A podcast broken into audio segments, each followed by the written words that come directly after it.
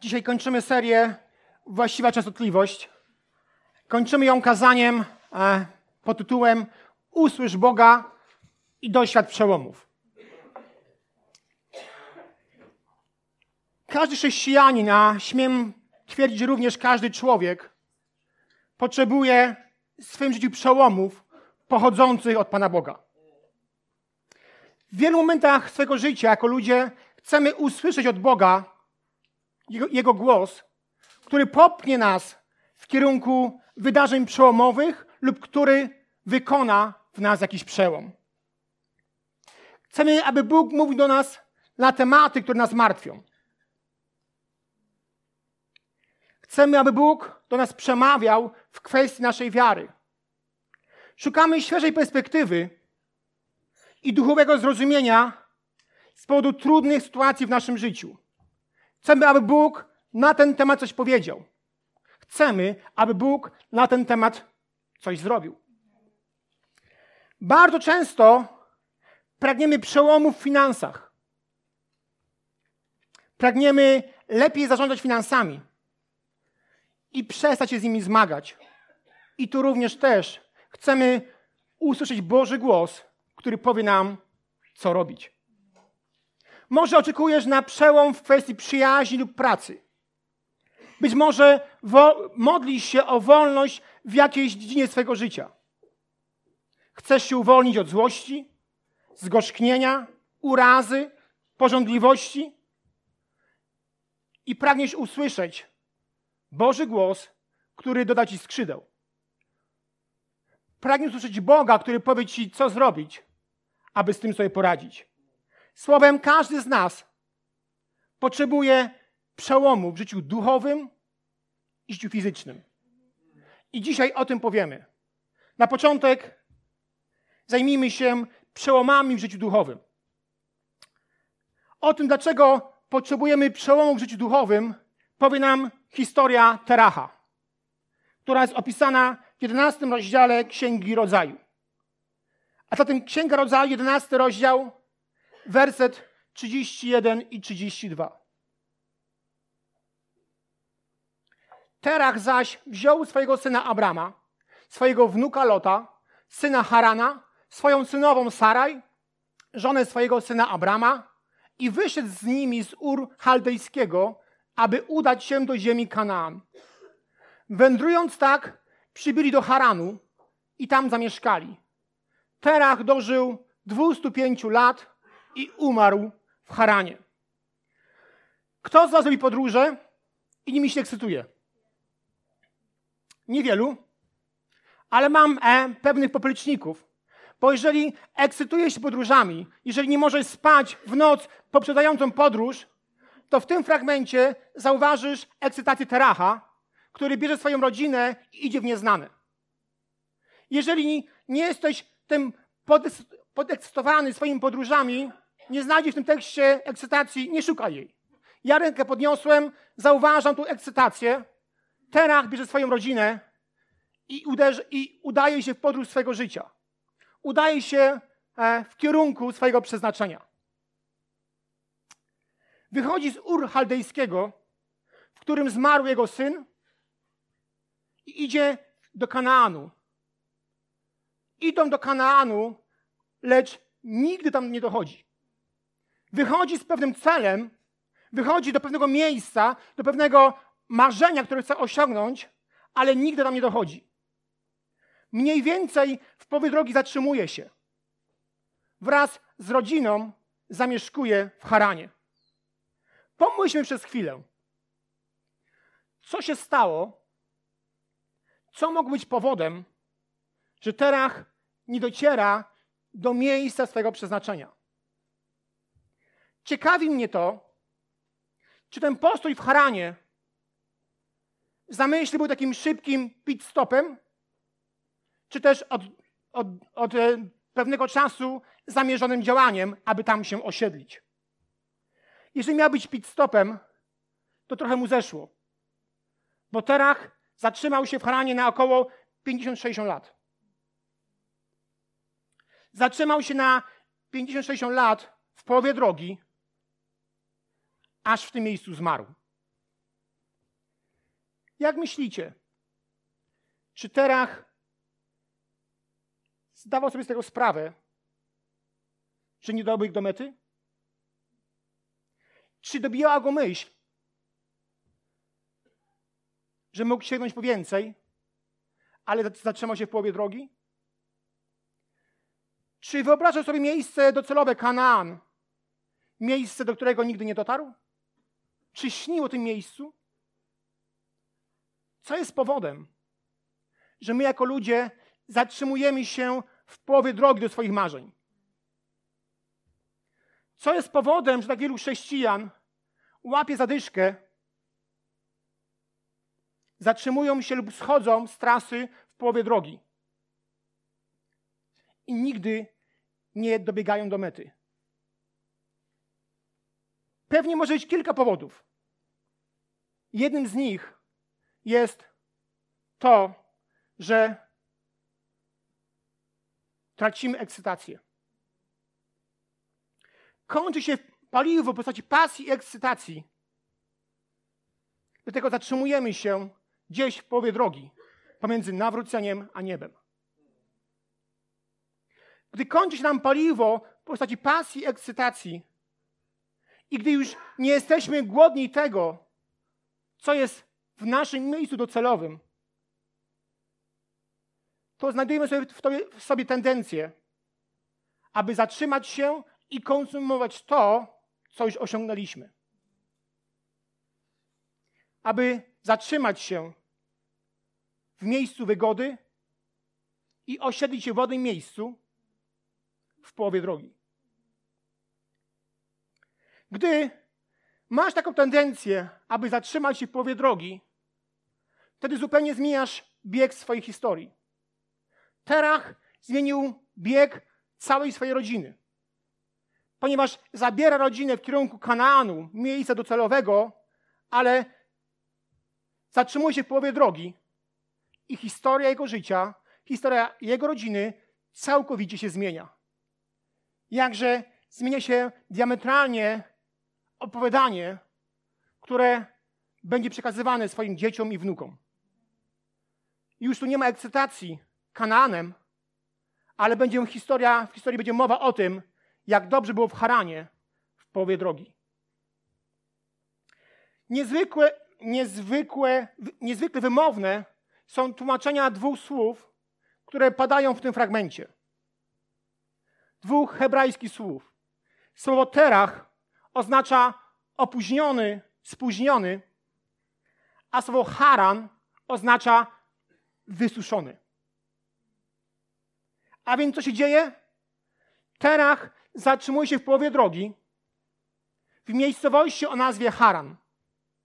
Zatrzymuje się w miejscu, które wysuszyło jego powołanie, które, które wysuszyło jego ekscytację i pasję, i to spowodowało, że nie dotarł do mety, ponieważ był spóźniony.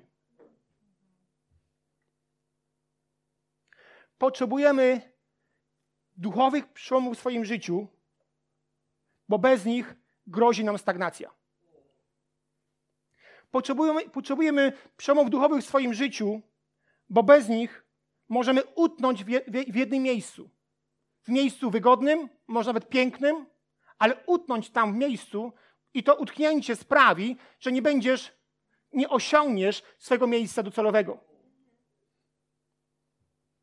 Potrzebujesz głosu Bożego, który bezpośrednio od Boga będzie pochodził, albo od ludzi, którzy będzie, który będzie mówił: Ej, nie zatrzymuj się. To jeszcze nie jest Twoja meta. Nie zwalniaj. Idź ciągle dalej, w miejscu swojego, do miejsca swojego przeznaczenia. Każdy z nas ma swoją drogę do przybycia. Możemy się różnić, ale jedno jest nasze wspólne powołanie. Mianowicie każdy z nas ma być blisko Boga.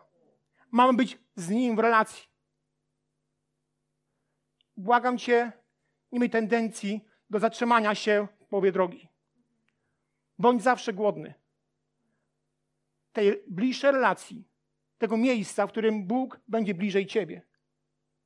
Nie miej tendencji, aby gdzieś utnąć pomiędzy nawróceniem a niebem. Nie miej tendencji jechania samochodem tylko na jedynce, czy tylko na dwójce. Możesz całe chrześcijańskie życie prze, przejechać na dwójce. Ale co to za życie? 40 na godzinę. Miej tendencję, aby rozwijać swoje powołanie, bo gdy słyszysz Boga, to te słowa mogą cię uratować. I ta historia dalej to potwierdza. Ponieważ po śmierci Teracha Bóg mówi do Abrama. Pan powiedział do Abrama: wyjdź ze swojej ziemi, zostaw swoich krewnych i dom swojego ojca i idź do ziemi, którą ci wskażę. Księga Rodzaju 12:1. Zauważcie, co Bóg mówi do Abrama. Wyjdź z tej ziemi, w której mieszkasz. Zostaw w końcu ten haran. Tutaj dużo nie może zostać, bo to miejsce również, również ciebie zatrzyma i osuszy cię z twojego powołania. Zauważcie, że Bóg ratuje Abramowi całe duchowe życie. Przekazuje mu słowa, które są przełomowe. Wyjdź z miejsca, gdzie twój tata się fajnie już urządził. Może masz fajne mieszkanie, może masz dom z basenem, może masz kilka samochodów, ale wyjdź z tego miejsca i zrób coś dla mnie, mówi Bóg. Wyjdź z tego miejsca, bo jeżeli tu się ciągle będzie zatrzymywał, ono osuszy cię z twojego powołania i nigdy nie dotrzesz do miejsca docelowego. Jakże łatwo jest nam się zatrzymać w pewnym miejscu, miejscu wygodnym i mówić sobie, swoje zrobiłem. Osiedlijmy się, zamieszkajmy się. W połowie swojego życia jest kul, niech się młodzi męczą. Jakże piękne jest to, a jest zarazem jak, jakże zgubne. Bóg mówi do Abrama, zostaw ten haran. Jeżeli go nie zostawisz, rozminie się swoim powołaniem. Abraham słyszy te słowa, jest im posłuszny i zobaczcie, jaka jest Boża nagroda za to posłuszeństwo. Księga Rodzaju 12, od 2 do 4 wersetu. A wywiodę z siebie wielki naród i będę Ci błogosławił. Rozsławię Twoje imię i staniesz się błogosławieństwem. Będę błogosławił błogosławiącym Tobie, a gardzących Tobą przeklnę i będą błogosławione w Tobie wszystkie plemiona ziemi. Abraham wyruszył więc, tak jak mu polecił Pan, a poszedł z nim również Lot. Abraham miał 75 lat, gdy wyszedł z Haranu. Moi drodzy, duchowy przełom, który następuje w wyniku słowa od Boga, ma moc uratować Twoje życie. I ten duchowy przełom zawsze niesie z sobą jakąś nagrodę. Potrzebujemy duchowych przełomów, ponieważ to one nie pozwolą nam żyć w stagnacji.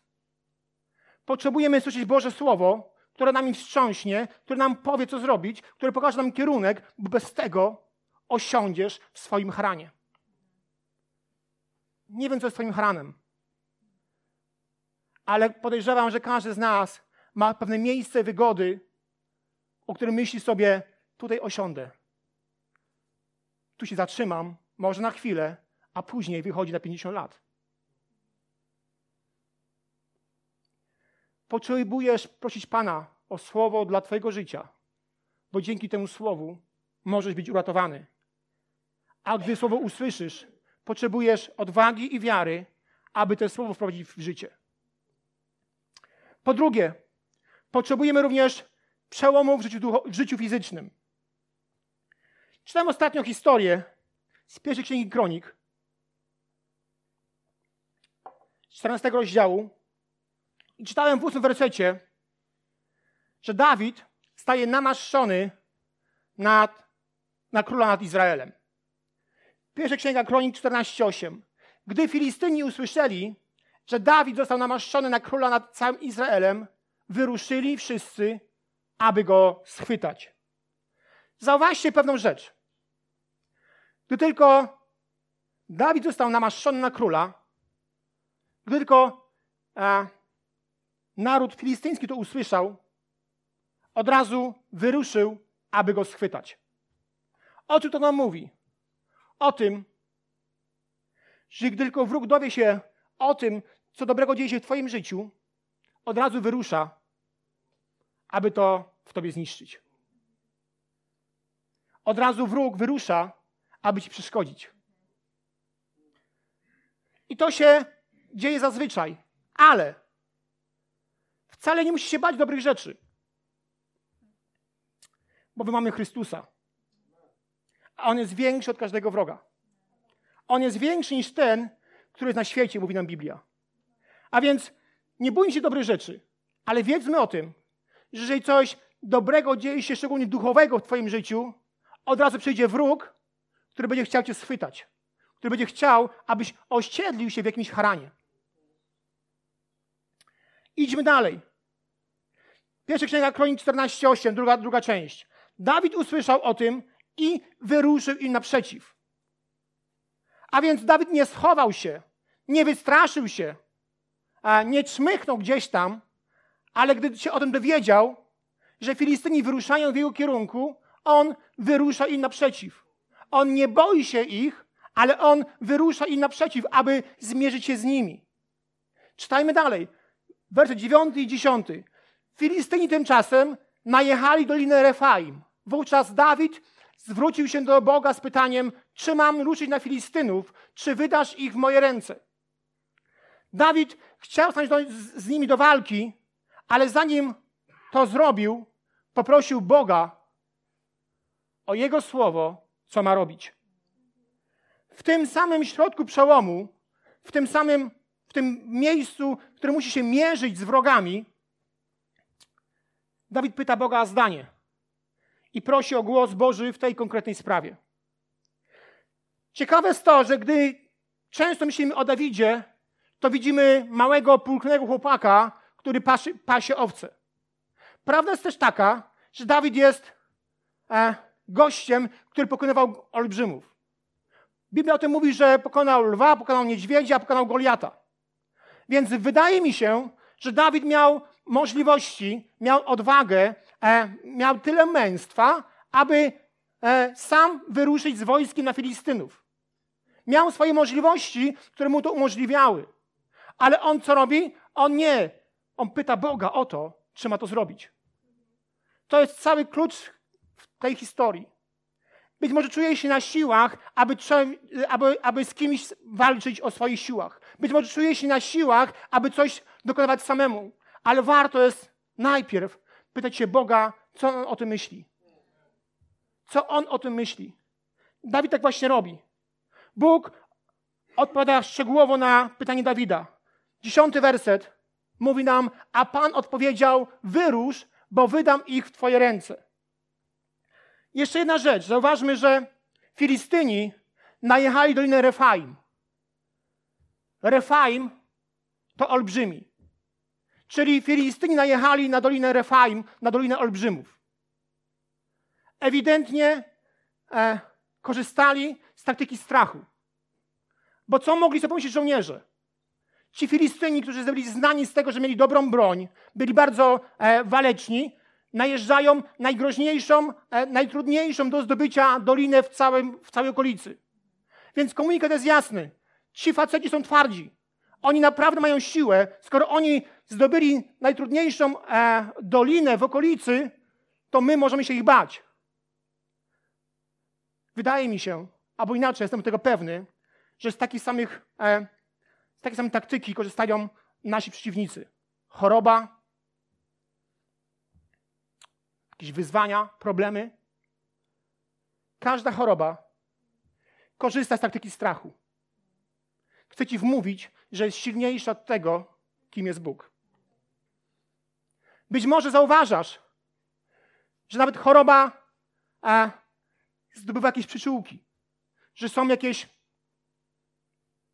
inne zarażone komórki tą chorobą. To ciągle jest taktyka strachu, która ma ci powiedzieć, zobacz, jaki jestem silny, zobacz, jaka ja jestem silna, zobacz, nie pokonasz mnie. Filistyni tak chcieli zadziałać, ale trafili na, na Dawida, który tego się nie wystraszył i poszedł w ich kierunku, aby walczyć. Dlaczego? Dlatego, że miał od Boga słowo, które mówiło: idź, wyrusz, a ich pokonasz.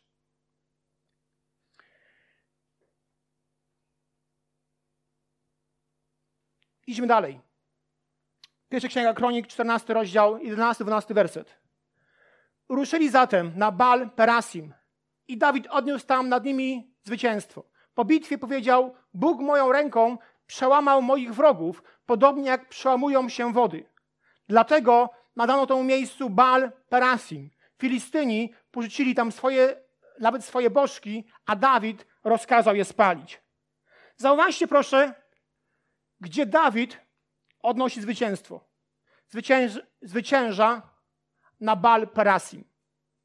Słowo Bal Perasim oznacza władca przełomów lub pan przełomów.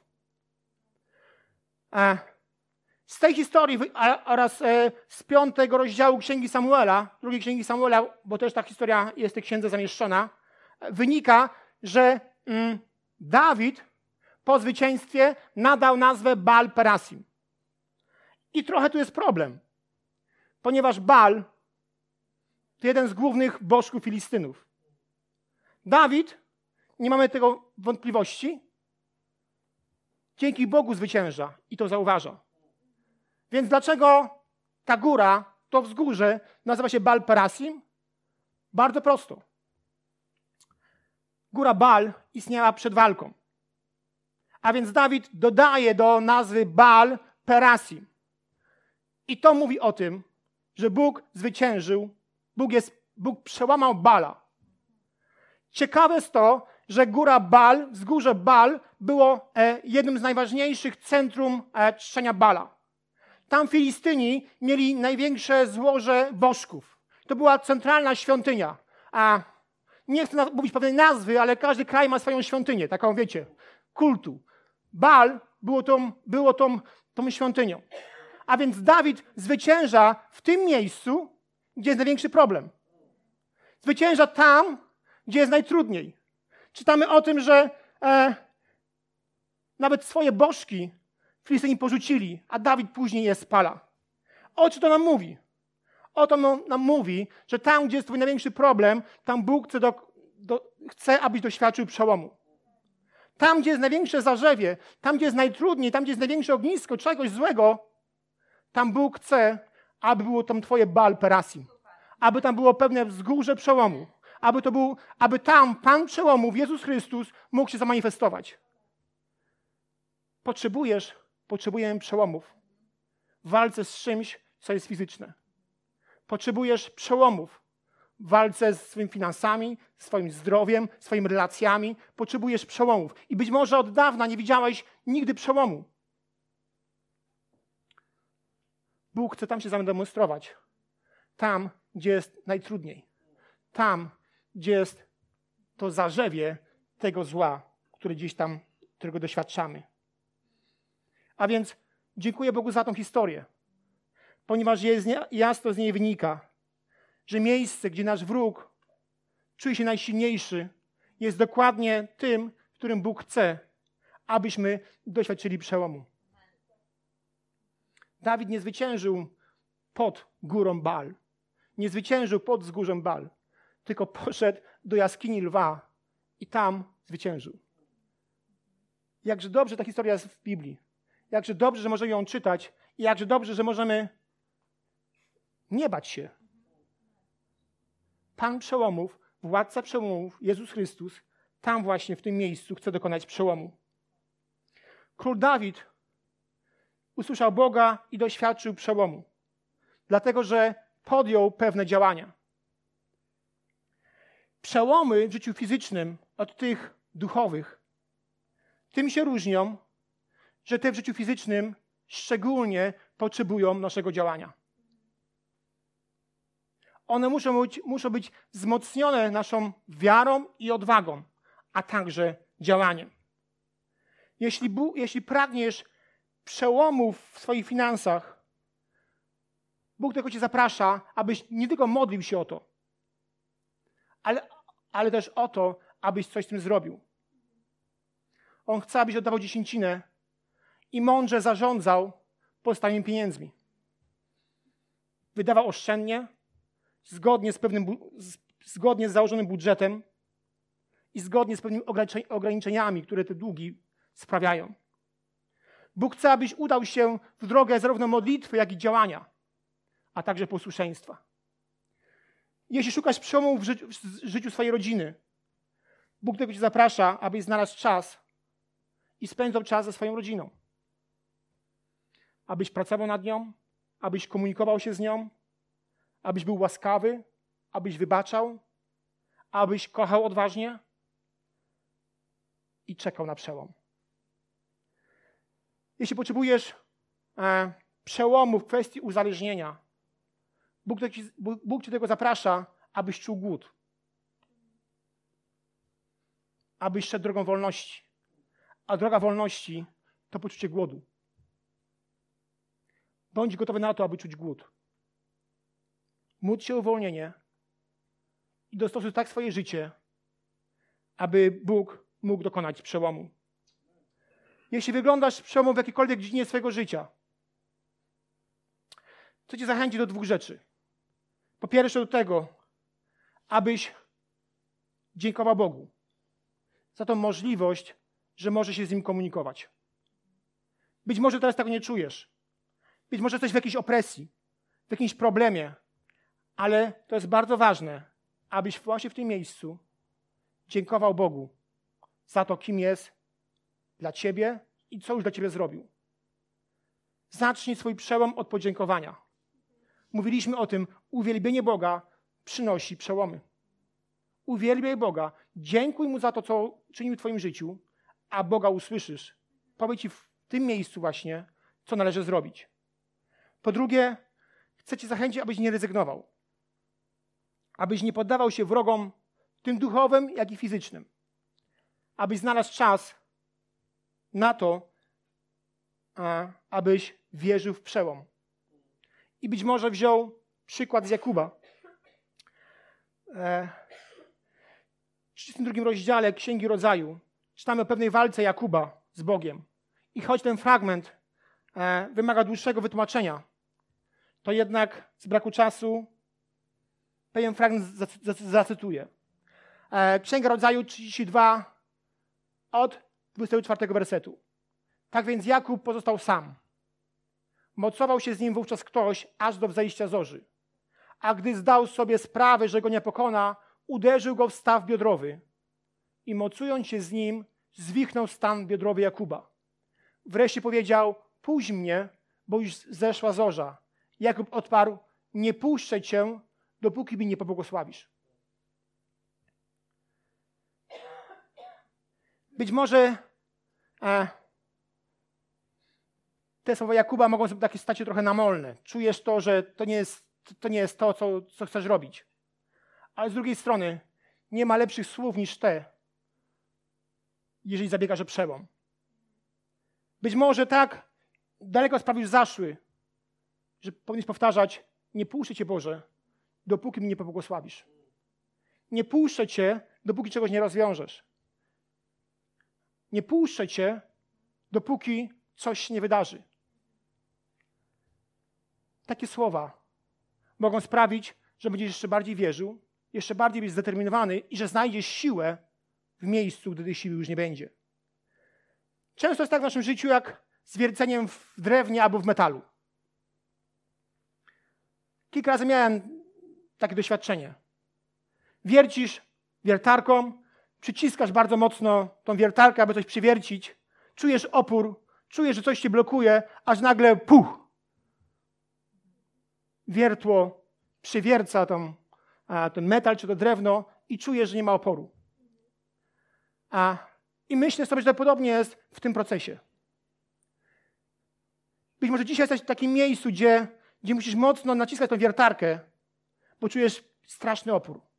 Czujesz, naprężasz swoje całe siły, e, swoje mięśnie, aby coś przewiercić. Ale nigdy nie wiesz, ile zostało tego materiału do końca przewiercenia. Nigdy nie wiesz, czy to są już milimetry, czy ciągle centymetry. Więc bardzo ważne być ciągle gotowym. Ciągle oczekiwać, bo nie wiesz, kiedy Bóg dokona tego przełomu. A gdy, gdy odrzucisz wietarkę, powiesz, ja już nie wiercę, sorry, nie będzie przełomu. Więc mimo, że bolą cię ręce, mimo, że czujesz się bardzo zmęczony, ciśnij tą wiertarkę, ciśnij w ten metal czy w to drewno, bo nigdy nie wiesz, ile stało do końca. Wielu ludzi zrezygnowało tuż przed przełomem. Wielu ludzi czegoś nie doświadczyło, ponieważ rzuciło wiertarkę powiedziało, ja już nie mam siły. Ten opór jest za wielki. Opór jest za duży. Być może dzisiaj już tak ciśniesz tę wiertarkę, że czujesz, że wiertło jest naprawdę gorące, na czerwone. Nie odpuszczaj. Usłysz Boga, a później doświadcz przełomu. Chciałam, abyśmy za chwilę się modlili. Proszę dziewczyny.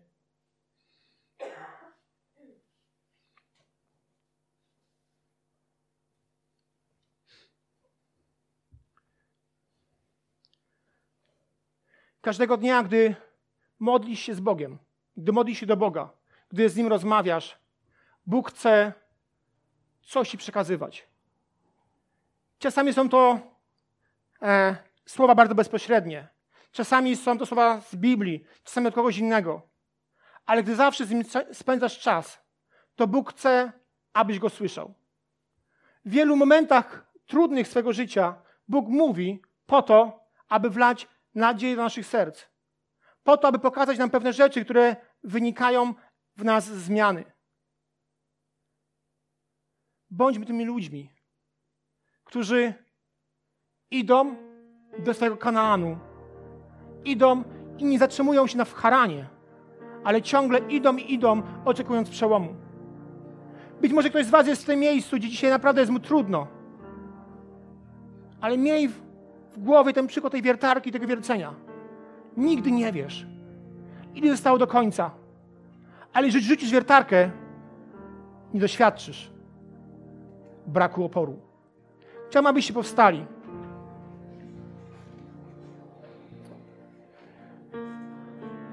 Bóg nas zaprasza, abyśmy słyszeli Jego głos i doświadczyli przełomu. I że jesteś w miejscu, w którym, w którym ci już mdleją ręce, a w którym nie masz sił, aby dalej wiercić, to chcemy się z Tobą modlić. Jeżeli jesteś w miejscu, w którym brakuje Ci sił, aby wierzyć w jakikolwiek przełom, chcemy się z Tobą modlić. Jeżeli jesteś w miejscu, które mówi Ci o tym, to jest niemożliwe, to właśnie tam Bóg chce sprawić, aby był Twój Bal Parasim. Aby On mógł pokonać wroga w tym miejscu, w którym tego nie czujesz. Jeżeli ktoś z Was potrzebuje modlitwy, zapraszam Was tutaj, abyśmy mogli się modlić. W czasie tej piosenki będziemy też śpiewać, Boga uwielbiać, ale jeżeli jesteś w miejscu, w którym potrzebuje, potrzebujesz pomocy, zapraszam Was. Bal Parasim to jest miejsce, gdzie Jezus Chrystus dokonuje przełomu. W miejscu, w którym być może źle się czujesz.